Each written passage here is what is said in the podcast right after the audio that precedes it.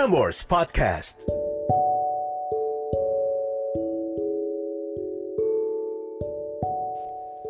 Catatan akhir malam oleh Narendra Pawaka.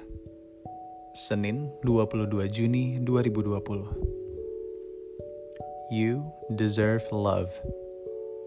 You deserve the best. You deserve to get better. Semoga di akhir catatan ini,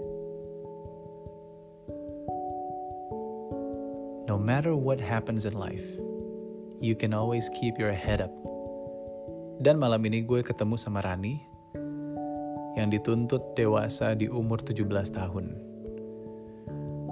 Tapi sebelum gue buka catatan dari Rani, ini udah malam.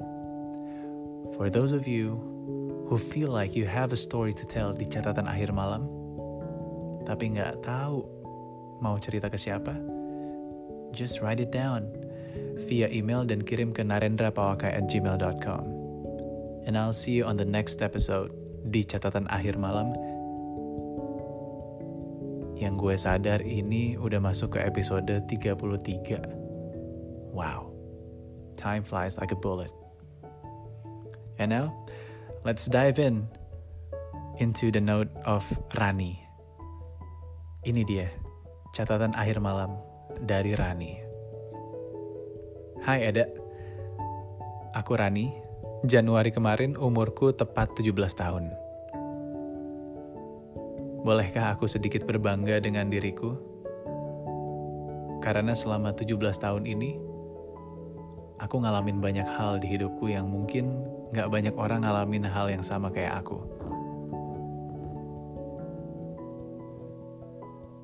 Banyak hal yang terjadi setelah ibu yang sangat aku sayangi harus pergi saat aku masih enam tahun.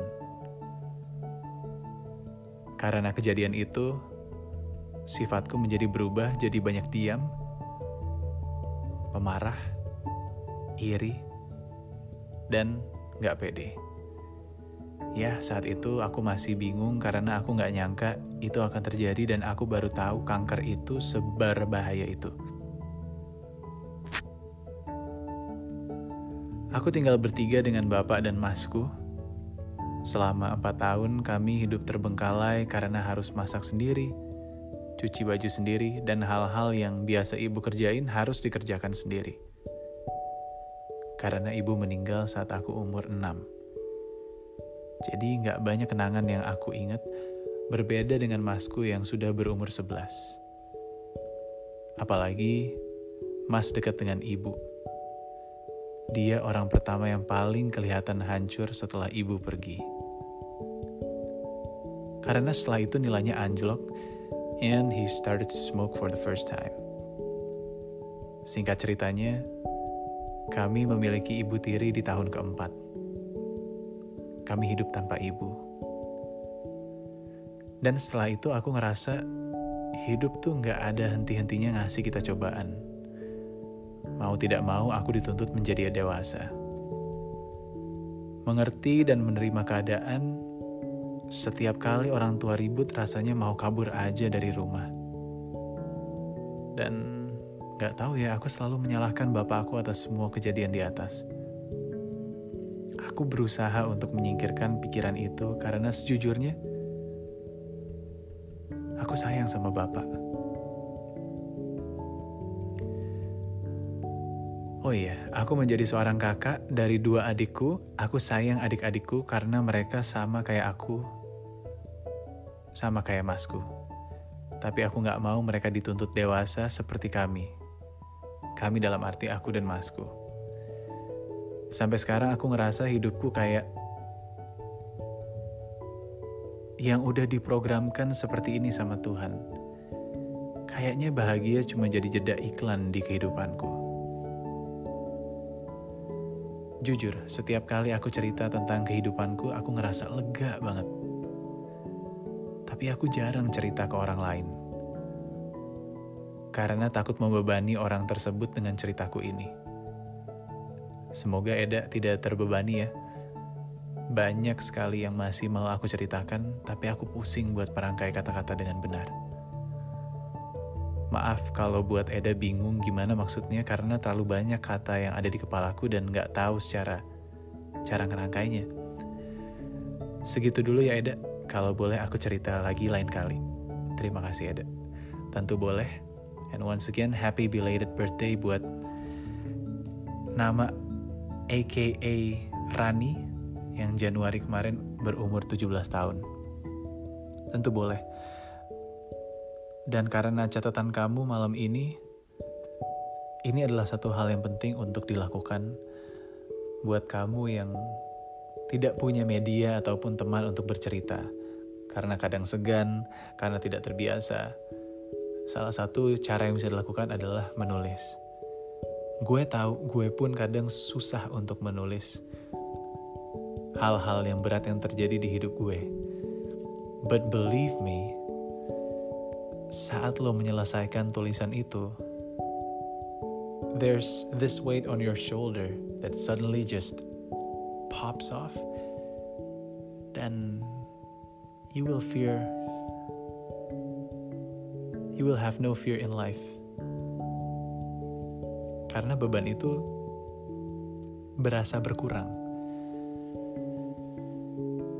Dan buat yang ingin mencoba, saran gue adalah sediakan satu kertas penuh dan lo mulai menulis tanpa berpikir apa yang pengen lo tulis. So that is a bit of a tip. Ataupun di email juga bisa. Kirimin ke gue ke narendrapawaka@gmail.com.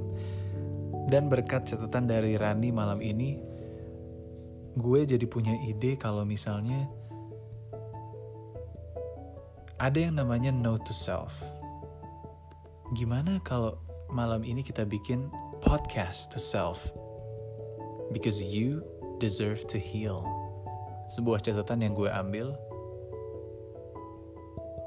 dari seorang yang bernama Ian. Let me read it out for you.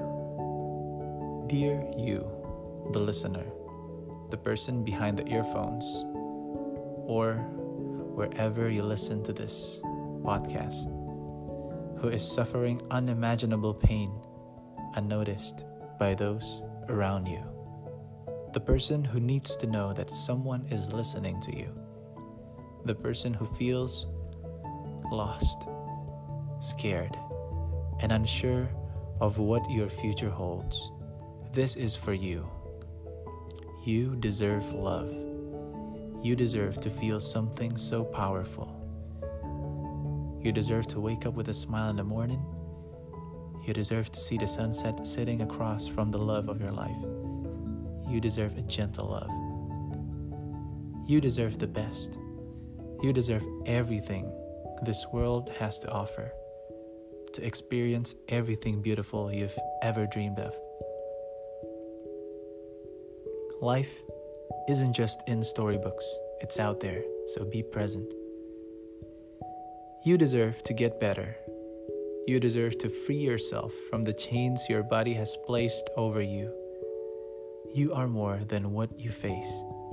In fact, you are better and stronger for it.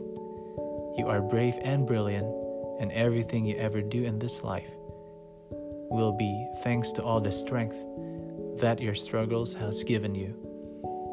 You deserve to heal. Keep saying it until you mean it.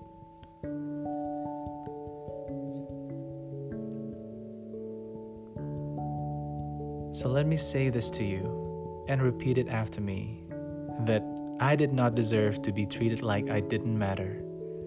In fact, you deserve the opposite. You do matter. You matter so much that the world cannot find a lens powerful enough to view you. You are brighter than the stars, and you do matter. So say this after me. Say that I did not deserve to be hurt even by myself. Say it over and over again until you mean it. I deserve to be loved. I deserve to be loved. I deserved to be loved. So that is a podcast to self. Kalau biasanya orang-orang bikin a note to self. So to end this with Truly, I am myself so proud of you. Halo semua yang mengikuti catatan akhir malam, 30 lebih episode berani untuk menuliskan kisah lo. I know life hasn't been too easy on you lately and I am truly sorry about that, but despite it all, you all have managed to keep your head up and continue fighting throughout.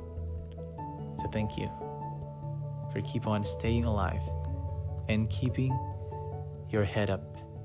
Stay strong, stand up tall, be more beautiful than ever. You know you deserve the world. Terima kasih Rani buat catatannya. Semoga umur 17-nya berbahagia. Nama gue Narendra Pawaka dan inilah catatan akhir malam. Have a good night. Sleep tight and don't let the bad bugs bite.